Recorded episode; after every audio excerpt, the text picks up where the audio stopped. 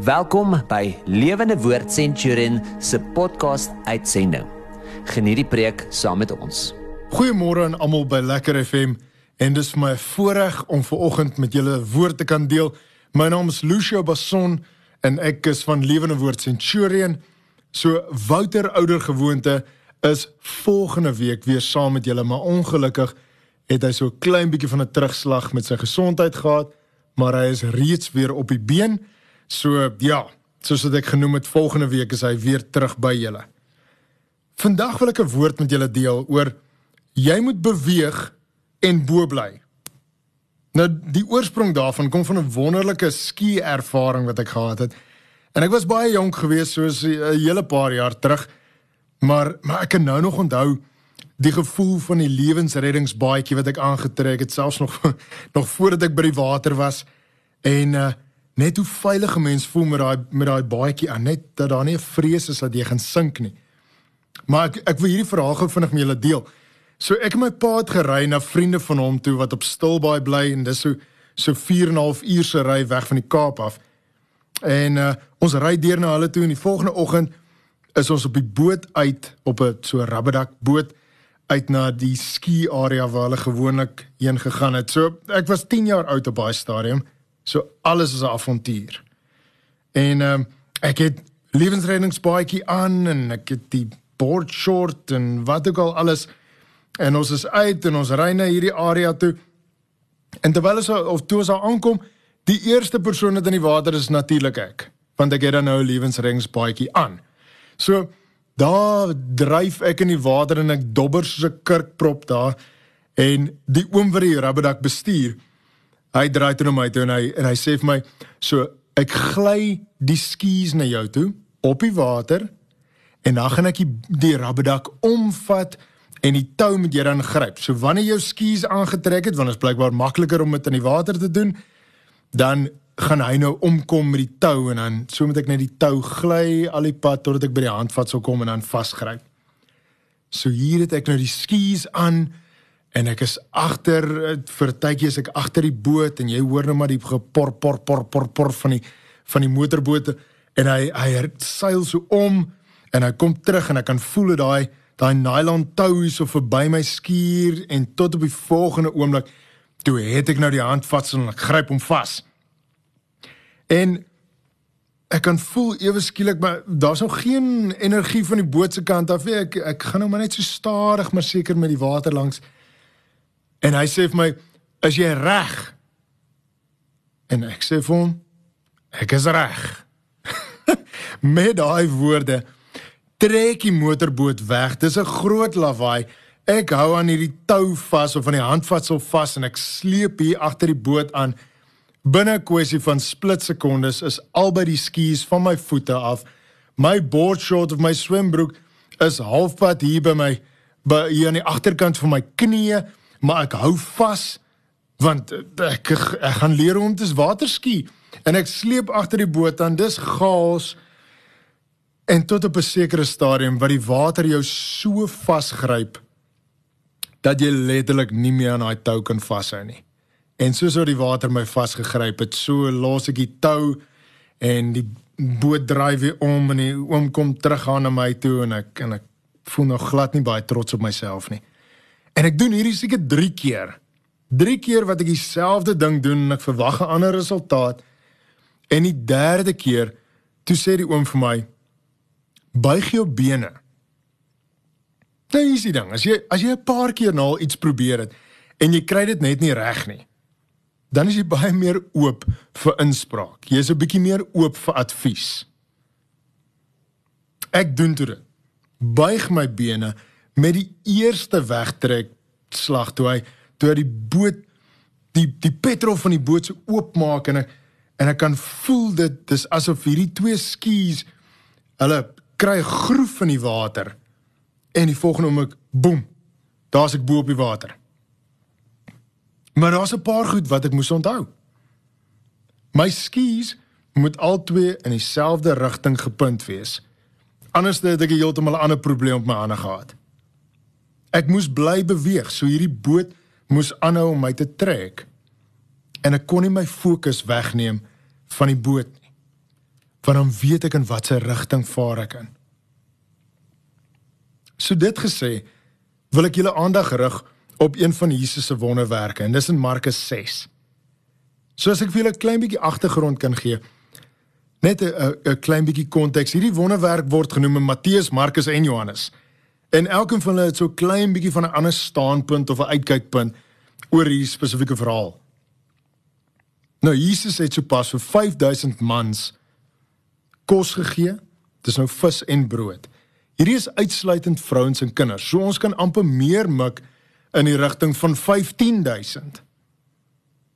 En kyk as ons nou dink dit as hierdie in 'n Gauteng afgespeel het dan het ons nie brood en vis nie, maar pap en wors gehad. So so kry, kry net kry net vir 'n oomblik julle gedagtes in in daai omgewing.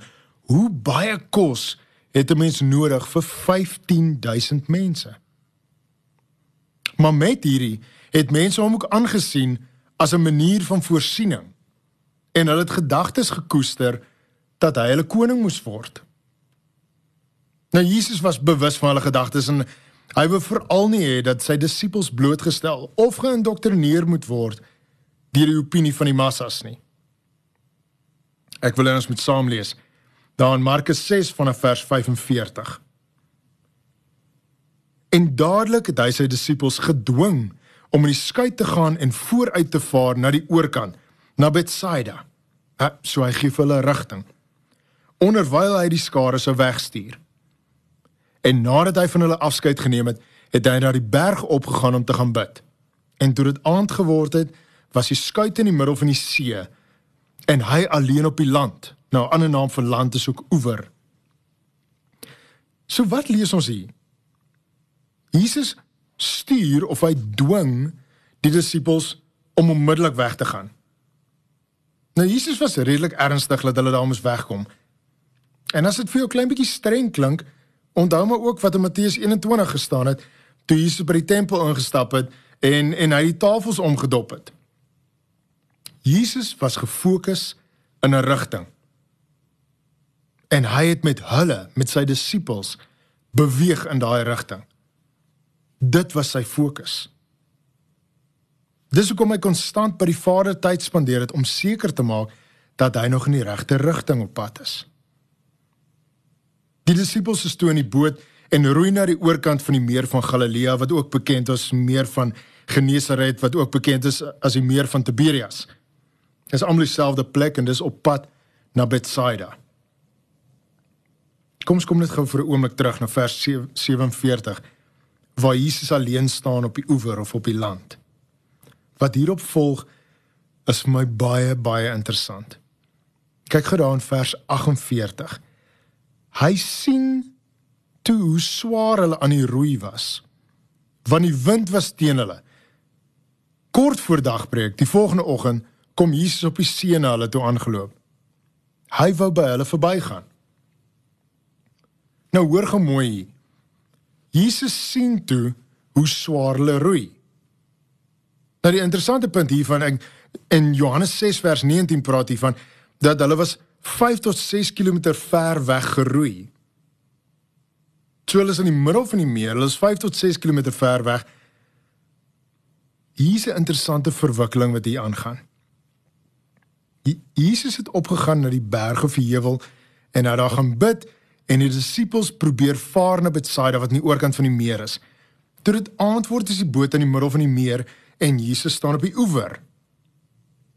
Hierdie al hierdie puntjies wil ek hê julle moet julle moet vir my begryp en julle moet onthou want wat hierop volg is verskriklik interessant.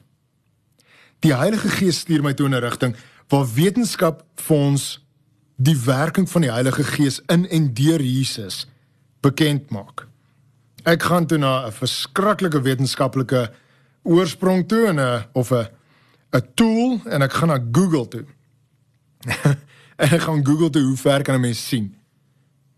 En daar's twee baie slim manne van van MIT is universiteit. Ehm um, wat wiskundige berekeninge gedoen het oor hoe ver 'n mens kerslig of 'n vlam kan sien. En hulle berekening het uitgeloop op 2.76 km.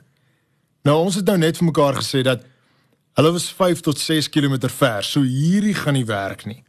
Dit beteken dat hulle was onsigbaar op kerslig of kersvlam. Selfs al het hulle 'n fakkel gehad. Maar dis nie al nie. Volgens wetenskap kan ons slegs 5 km ver sien as jy op 'n gelyke seevlak staan. So as jy op 'n gelyke vlak, nie een persoon op 'n berg en ander persoon en en van 'n berg af kyk jy af in 'n in 'n dal of in 'n vallei in nie. Hierdie is albei is op dieselfde grondvlak. Die maksimum afstand wat jy kan sien is 5 km. En die rede vir dit is omdat die aarde rond is. Ek hoop julle almal besef dat die aarde is wel rond, sferies, maar rond. nou die interessante ding hier, hoekom jy nie verder kan sien nie, is alles beweeg agter die horisonlyn. So as jy kyk voor jou, dan tot op 5 km kan jy moontlik iets sien sonder enige obstruksie, sonder enigiets wat in jou pad is. Verder as dit, gaan dit by die horison af. Dit wil sê dat daar geen manier is hoe Jesus met sy natuurlike oë 5 tot 6 km volgens Johannes 6 kon sien dat die disippels swaar kry en teen die wind en die golwe roei nie. Jesus het in die gees gesien. Hierdie is die krag van die Heilige Gees. Jesus het geleef as 'n mens sodat elkeen van ons 'n voorbeeld kan hê. En dis ook hoe hoekom hy vir ons sê in Johannes 14 vers 12 dat jy sal hierdie goed doen en meer. Dit beteken hierdie krag is vir my en vir jou beskore. Jou verhouding met die Vader, tyd in gebed, tesame met wysheid, kennis en die gawes en die krag van die Heilige Gees hou jou bo. Jesus se fokus was bo. Jou fokus moet in dieselfde rigting wees. Kolossense 3 vers 1 sê: "Aangesien julle saam met Christus tot 'n nuwe lewe opgewek is, streef na die dinge wat daar bo by Christus is, waar hy aan die regterhand van God sit." Laat julle gedagtes beheer word deur die hemelse dinge, nie deur die dinge op aarde nie. Nou, hoe fokus ons bo? Deur te doen wat Jesus gedoen het. Kry jouself eenkant saam met God. God is die een wat jou bo hou. God is soos die wysheid van van die oom wat in die boot gesit het. Hy hy gee vir jou rigting. Hy kan met een woord kan hy jou omstandighede heeltemal verander? Kan hy 'n probleem wat jy wat jy in vaskyk, kan die Here vir jou verander met een woord van wysheid, van rigting. Hou aan beweeg na hom toe en hy sal jou bo hou. Die Here wil hê jy moet suksesvol wees in wat jy doen. Hy laat jou toe om self te probeer totdat jy oop is vir inspraak. Hy is die een soos die motorboot wat voor my was wat die krag het om jou uit jou omstandighede uit te trek. Dis dieselfde met die oom in die skieboot. Matteus 14 vers 24 lees ons en die skuit was in die middel van die see, getuister deur golwe, van die wind was teen hulle.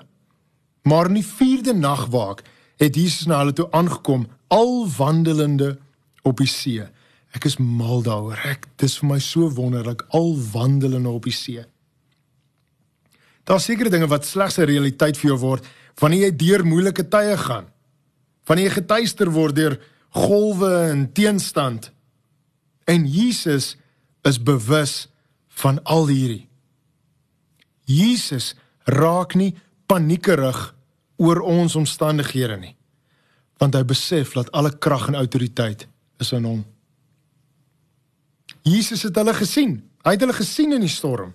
Hy het hulle gesien in die gees. Maar hy moes hulle tyd gee om hulle kop te skuif. Hulle het alles in hulle natuurlike vermoë gedoen om die boot aan die oorkant van die meer te kry tot op 'n punt.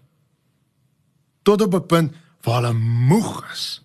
Jesus kom na hulle toe in die 4de nagwaak. Nou die 4de nagwaak is tussen 3 uur en 6 uur in die oggend. Nou hier's 'n interessante brokkie, uh inligting vir julle op 'n Sondagoggend. Die son gaan op die laaste 7:34 in Israel onder. So as ons nou vat vanaf vers 23 tot 25 is al plus minus 8 ure wat verbygegaan het. 8 ure wat die disippels stoei teen hierdie storm. Dit sal enige persoon moeg maak. En Jesus kom al wandelende. so en dis dis nie 'n kwessie van Jesus het te stadig geloop nie. Want vir die gemiddelde persoon loop jy 'n uur aan 5 km. So hierdie 8 ure was sekerlik uitgekoop. En Jesus kom verby gewandel. Daar moes 'n tyd van sukkel vir die disippels verbygaan sodat hulle kon besef wie Jesus in alle omstandighede is. Hulle harde harte kon nog nie inneem wie Jesus is nie. Hulle het nog nie tot die besef gekom dat hy waarlik die redder van die wêreld is nie. Hy is die een wat Job van gepraat het in Job 9 toe waar daar staan hy alleen sprei die hemele uit. Hy wandel op die golwe van die see. Hy is jou verlosser. Hy is jou voorsiener. Hy is jou oorwinning. Hy is die een wat jou rigting gee, jou laat beweeg en jou bo hou. Toe hulle hom sien, dink hulle is 'n spook, maar Jesus se eerste woorde was vrede. Jesus se vrede in enige van ons situasies sal jou storm laat bedaar. Jesus se vrede gaan alle verstand te bowe te bowe. Dit dit beteken jou jy kry vrede vir jou siel, jou jou intellek, jou emosies. Dit is die tipe vrede wat Jesus vir jou gee. Dit staan geskryf in Johannes 14 vers 27 Ek laat vir julle vrede na, my vrede deel ek met julle. Ek gee nie soos die wêreld gee nie. Julle moet nie ontsteld of beangs word nie. Wat ons moet doen is jy moet beweeg en bo bly. Nadat Jesus hierdie vir hulle gesê het dat sê dat dis ek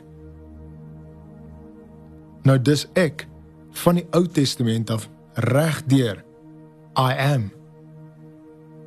Matteus 14 vers 28. Petrus sê te hom: "Here, as dit regtig U is, laat my dan op die water na U toe kom." "Kom dan," het Jesus gesê.